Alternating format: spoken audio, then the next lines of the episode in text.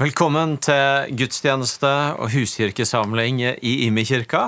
Flott at vi kan møtes, om enn eh, kun på skjerm akkurat i denne tida. Mitt navn er Egil Elling, jeg er en av pastorene her på huset og skal få ønske deg velkommen og lede deg gjennom denne samlinga, hvor vi bl.a. skal få høre Egil Svartdal, vår gode venn som vi skulle hatt på besøk, men som vi nå får digitalt.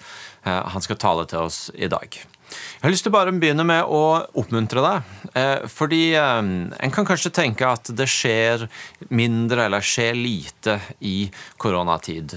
Og ja da, det er ting som vi gjerne skulle ha sett eh, at vi kunne gjøre, som vi ikke får gjort.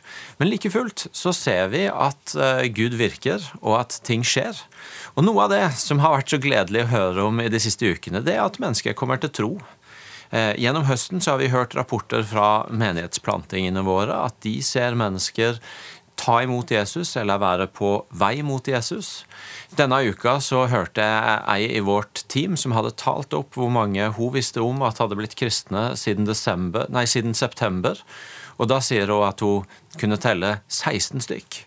Og eh, denne uka så fikk vi også høre fra Thailand at Impuls har vært på turné. Og eh, i en samling der så hadde 21 stykker sagt ja til Jesus blant ungdommene som var der. Så dette er ei tid hvor eh, mennesker eh, tar steg mot tro.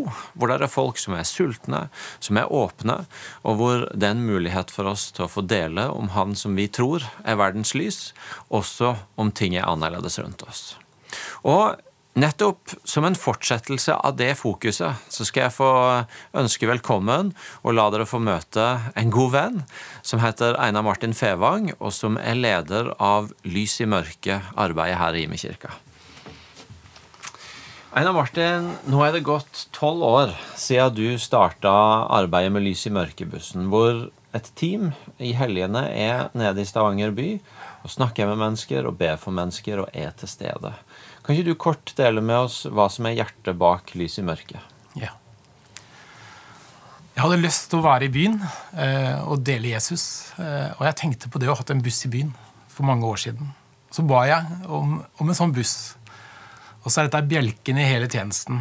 Eh, rett etter jeg hadde bedt, ti minutter etterpå, så hører jeg en tale fra IMI som Øystein her på huset hadde holdt. Eh, og han sier han har hatt en drøm. Jeg har drømt om en buss som står på scenen i Imia som skal ut. Det var 10-15 minutter etterpå. Det var så spesielt og så ekstra at det, det har vært båndbjelken i den tjenesten. Og så merka jeg når vi er ute på byen, vi var ute på fredagen, og folk kommer, og folk er sultne. Og det er ikke så farlig å snakke med oss når vi er i byen. Så det er en pappa Gud som ser etter sine bortkomne sønner og barn. Og helt på slutten på fredagen så, så kom det en, og han var rimelig klar til bare å komme inn i kjerka. Så er det jo steg å ta, da. Men eh, mange som er åpne. Eh, en fredagskveld for noen år siden, eller lørdag, så satt ei dame bak i bussen som eh, jeg var prostituert. Så fikk jeg en tanke om å dele Jesus eh, et ord om Moses av alle ting med henne. Eh, og så gjorde jeg det en eh, lørdagskveld i byen om ørkenvandring. Og så inviterer vi på Jimmy, og så kommer hun dagen etterpå. Eh, og så skriver hun opp navnet sitt for å bli invitert på middag. Og så heter hun Moses til mellomnavn. Og så det å få bringe Jesus ut i byen, det, det er drivkrafta bak det hele. At Gud lengter etter sine bortkomne sønner og døtre. Så er det sånn at uh, Redskapet for dette arbeidet ved siden av mennesker, det er en buss. Og eh, det å ha en buss, det å holde ved like en buss, det er der også en kostnad på. For ikke lenge siden kjøpte vi en helt ny buss til arbeidet. Um, og um, det er viktig for oss som menighet å stå i ryggen på Einar Martin og teamet, også ved den konkrete, praktiske sida at det er en kostnad å ha det redskapet vi bruker til arbeidet. Så i dag så skal vår takkegave gå nettopp til lys i mørket og til det arbeidet som Einar Martin leder og som får bety noe for mennesker i vår by. Så nå kan du se VIPS-nummeret som kommer på skjermen. Det er Imi-kirken Kollekt, og VIPS-nummeret er 11835. Og så kan du med det få lov til å være med å gi en gave til et arbeid som betyr en forskjell for mennesker i vår by. På forhånd, tusen takk for gaven. Tusen takk.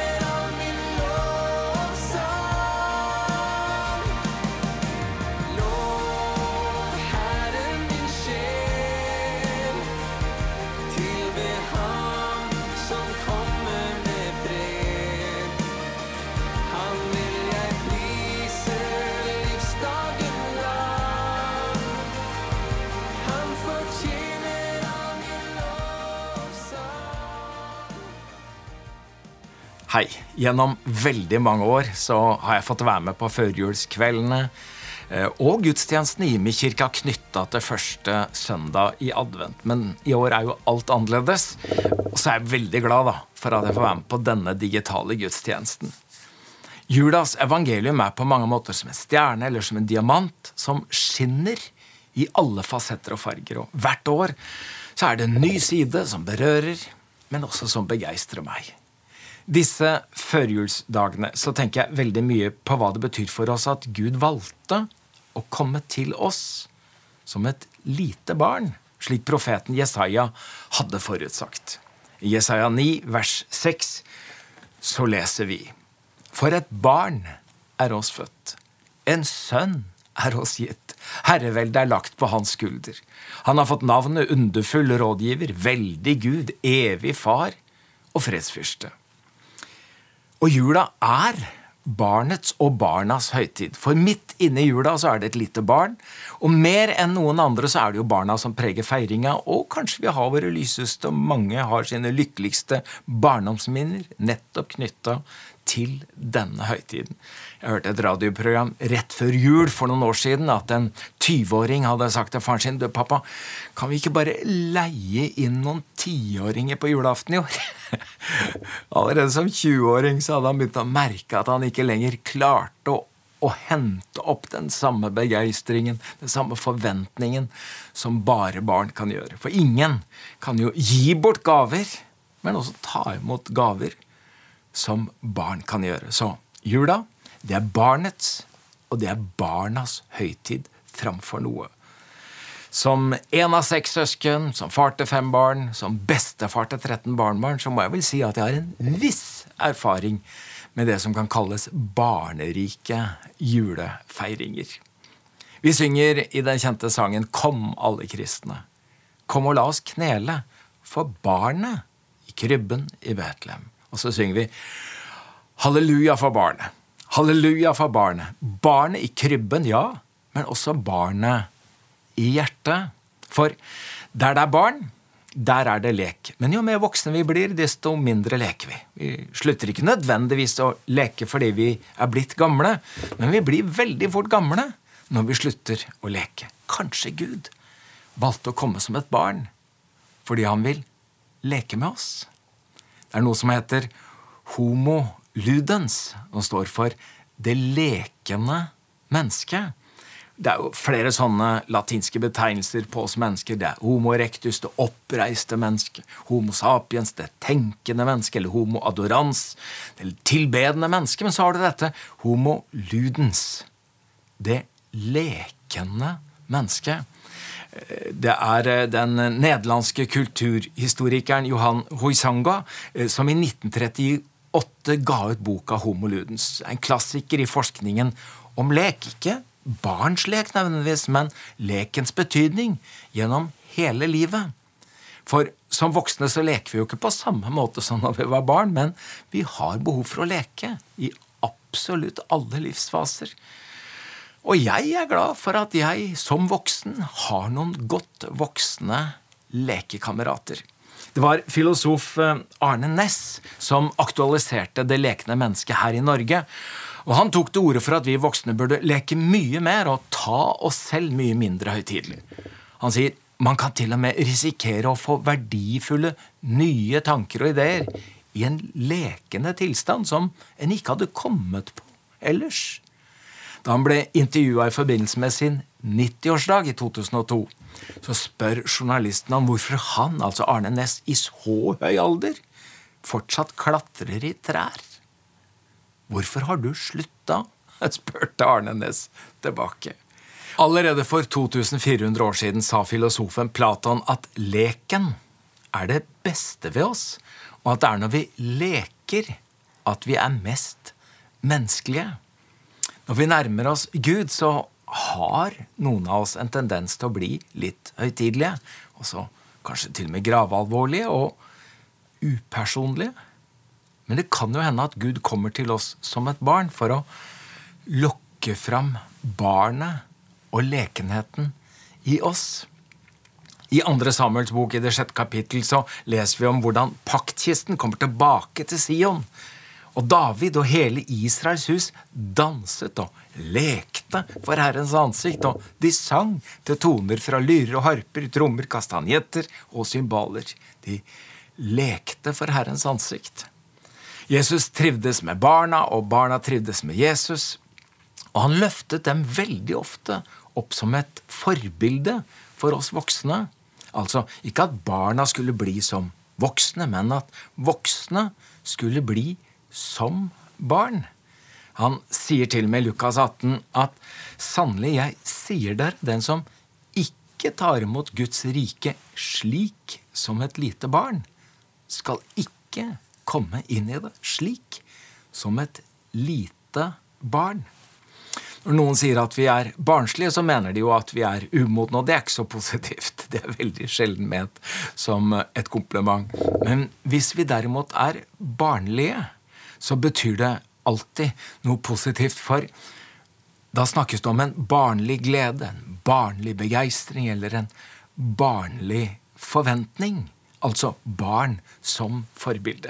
Derfor skjønner jeg Carl Martinussens sang, som vi gjerne synger til jul, som et hjertesukk og som en bønn. Og kunne jeg bare bli barn igjen når juleklokkene ringer? Og kunne jeg salig i ånden se de skinnende englevinger? Å, kunne jeg bare bli barn igjen? Deus ludens betyr den lekende Gud. Det er nesten så det virker litt fremmed og vanskelig for meg, men jeg har latt meg begeistre av det. At Gud har glimt i øyet. At Gud også er leken. Altså at Deus ludens, den lekne Gud, har skapt oss som homoludens, som lekende mennesker, fulle av glede, av glød og kanskje til og med galskap. At latterdøra kan åpne hjertedøra, at lekenheten kan hjelpe oss å bære alt alvoret. At galgenhumoren kan lære oss til og med å leve tett på døden. Erik Bye, journalisten, mediamannen, dikteren, visesangeren, han hans sanger ble ofte preget både av himmel og hav. Eh, og en gang så ble han spurt av et barn om han kunne tegne Gud. Og da tegner Erik Bye Gud som en lekende gutt. Eh, og det er blitt til sangen Vår Herres klinkekuler. Han forteller i denne sangen om eh, denne gutten som leker med klinkekulene og sjonglerer med dem, og så er det en av de som blir borte, disse klodene. Og så håper han i siste vers at uh, Gud finner igjen den klinkekula, eller kloden som han glemte. Og så kjenner vi sangen fra at Erik Bye sier 'Jeg drømte at Vår Herre var en pode', med revenbrok og skrubbsår på hver legg. Jeg så ham klinke kule med vår klode, i muntre spredt mot universets vegg. Han klinket, han var glad, og det var eh, sommer og sola tente lys i farget glass, og tusen kloder rislet fra hans lommer, for i Vår Herres lomme, der er det plass. En hyllest til en lekende Gud, men også til det lekende mennesket, som og dette kan man tenke at han har tatt ut fra ingenting, men jeg tror jeg finner referansen i ordspråksboka i Bibelen. For i ordspråksboka 8 så er det en beskrivelse av Guds sønn, Jesus, før og under skapelsen. I vers 30 og vers 31 står det Jeg var byggmester hos ham. Jeg var til glede for ham dag og etter dag og lekte stadig for hans ansikt. Jeg lekte på hans vide jord og gledet meg med menneskene. Altså Jesus, sønn og far, Gud og sønn, som er sammen, og sønnen leker i skapelsens morgen. Og det er en klar linje fram til Johannesprologen. I begynnelsen var ordet, altså logos, visdommen. Jeg var på Lia gård oppe i Østerdalen i høst, og igjen møtte jeg Sigmund Bø eh, byggmester i sjelen og snekker i fingrene. og Bygg og lek har alltid hengt sammen, helt siden han var en liten gutt. og Sigmund fortalte at han var veldig usikker på om han skulle bygge denne store stavkirka. Det var jo galskap på mange måter etter at han i åtte år hadde bygget det store nylig, altså retreatsenteret oppå Koppang. Og Sigmund sier at han søker Gud og ber og har denne planen om denne store stavkirka. Og så har Sigmund en fornemmelse av at Gud sier, 'Sett i gang', og jeg er med på leken. Jeg syns det er et fantastisk uttrykk. At ikke alt behøver å være helt nødvendig. At ikke alt behøver å være alvor. Men at Jesus til og med ikke bare vil være venn, men vår lekekamerat. Jeg tror at Fra Guds side så var det ikke tilfeldig hvem som skulle høre julens evangelium aller første gang. Gjeterne. De representerte alle småfolk på alle steder til alle tider. Alle som ikke når opp. Alle som ikke strekker til.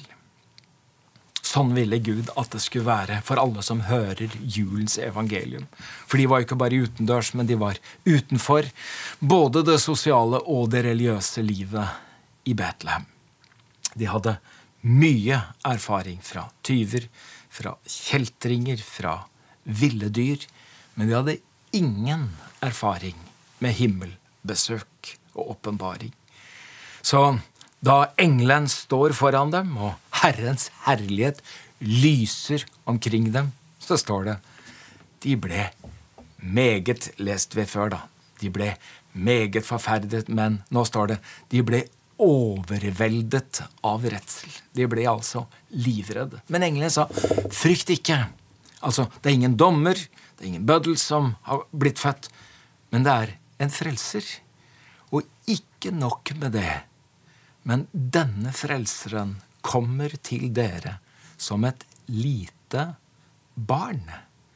Dere skal finne et barn.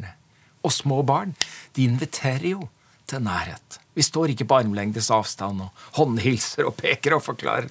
Vi går alltid nærmere, og barn er close talkers. De, de har liksom ingen grenser. De, du får de helt opp i ansiktet. Og I hele Det gamle testamentet hadde jo menneskene ønsket å se Guds ansikt. Det kunne de ikke. Men i barnet i Betlehem så kommer Gud nær som et lite barn. Og det er det Gud vil. Det står jo i Markus 10 om at Jesus tok barna inntil seg. Han la hendene på dem og velsignet dem. I møtet mellom en voksen og et barn så er det jo alltid den voksne som blir som barn, og det er jo aldri motsatt. Under den første offisielle julefotograferinga på Kongssetra etter at Mette-Marit hadde kommet inn i kongefamilien med sin lille Marius på tre år, da ble alt annerledes. For Marius er veldig opptatt av denne isbjørnen som ligger på gulvet. og Plutselig så ser vi Sonja går ned på kne. Og VG skrev slik har du aldri sett dronning Sonja tidligere, krabbende på kne foran et isbjørnskinn. Men dronningen lot seg ikke be to ganger, står det, da lille Marius ville vise fram tennene til isbjørn som prydde gulvet i peisestua på Kongssetra. Gud kom som et barn, kanskje for å få oss lekende ned på kne. For barn påvirker også kroppsspråket vår. Det er fint å se barn, eh, voksne som leker med barn. Vi legger oss ned på kne, vi ruller rundt på gulvet, og så tenker vi hva er det som skjer? Hun er en voksen dame, han er en voksen mann. Men i møte med barn så sprenger noen grenser, og så bryter vi med noen fastlåste posisjoner. Og når vi som voksne leker med barn, så blir vi som barn igjen. Og barnet påvirker også språket vårt. Jeg legger jo merke til både meg sjøl og andre i nærheten av meg eh, i møte med de små barna. så ja, Ellers så snakker vi både pent og fint og har vanskelige og gode uttrykk. Men når vi snakker med småbarn, så begynner vi liksom å, neimen, er det sant, dette, neimen Vi kommer liksom med et sånt babyspråk med litt uforståelige ord og godlyder. Eh, som forhåpentligvis barnet kan skjønne, men vi legger om, og jeg tenker Kanskje det er det tungetallet også kan være et slags jo, bo, bo, bo. Så, kanskje ikke det er så alvorlig. Kanskje det ikke er så farlig om det kommer et feil ord. Men at det er en slags babyspråk, ikke fordi Gud er barn, men for jeg har behov for å være barn innenfor Gud. Og få lov å tro at far skjønner hva som ligger meg på hjertet. For jeg tror at Gud lengter etter å leke litt med oss. At vi skal få synge fra hjertet og bli trukket litt rundt på gulvet. At vi skal få møte Gud som barn.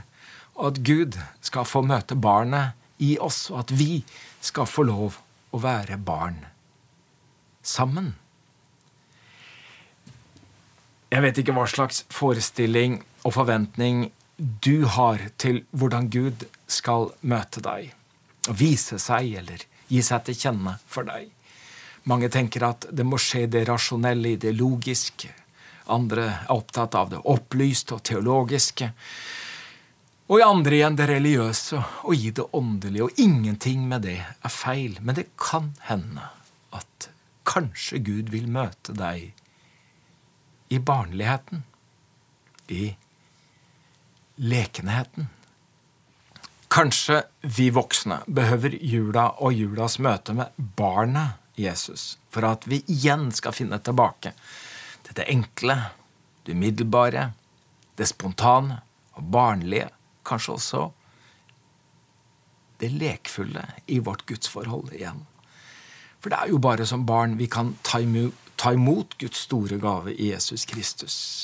Og det er kanskje bare som barn vi kan forstå julens hellige mysterium. I Lukas 2, i vers 16, så står det gjeterne skyndte seg av sted, og de fant Maria og Josef og det lille barnet som lå i krybben. De fant det lille barnet. Så ring da Guds klokker til festers fest. Gi liv til barnet her inne. Vi reder deg. Leie, du himmelens sønn og slipper deg ingensinne. Sånn skriver Martinussen i sin sang. Så jeg ønsker deg en veldig god jul når den kommer. Og så sier jeg let etter barnet. Barnet i krybben, men også barnet i hjertet. Og la de barna møtes. Herre, jeg takker deg for at du kom til oss, ikke som den store og mektige, men sånne lille og sårbare, så vi slapp å forsvare oss, men vi kunne åpne oss når du lokker fram barnet og lekenheten i oss. Amen. Tusen takk til Egil Svartdal for nydelig undervisning for oss. Vi eh, gleder oss til å kunne ha han tilbake fysisk neste år, men for nå fantastisk å få tak i det perspektivet han gir oss. Egil har også gitt oss tre spørsmål som vi kan bruke til samtale i huskirka eller i det fellesskapet du måtte se denne undervisninga. Og de tre spørsmåla er for det første når opplever du deg sjøl som et lekende menneske? Og Det andre spørsmålet er hvordan påvirker lekenheten din relasjon til Gud? Og Det tredje og siste spørsmålet er hvilken sammenheng ser du mellom barnet i krybben og barnet i hjertet? Det håper jeg gir fruktbare samtaler. Og så skal jeg få ønske deg en god dag videre med å lyse Herrens velsignelse. Må Herren velsigne deg og bevare deg. Må Herren la sitt ansikt lyse over deg og være deg nådig. Må Herren løfte sitt åsyn på deg og gi deg fred. Amen.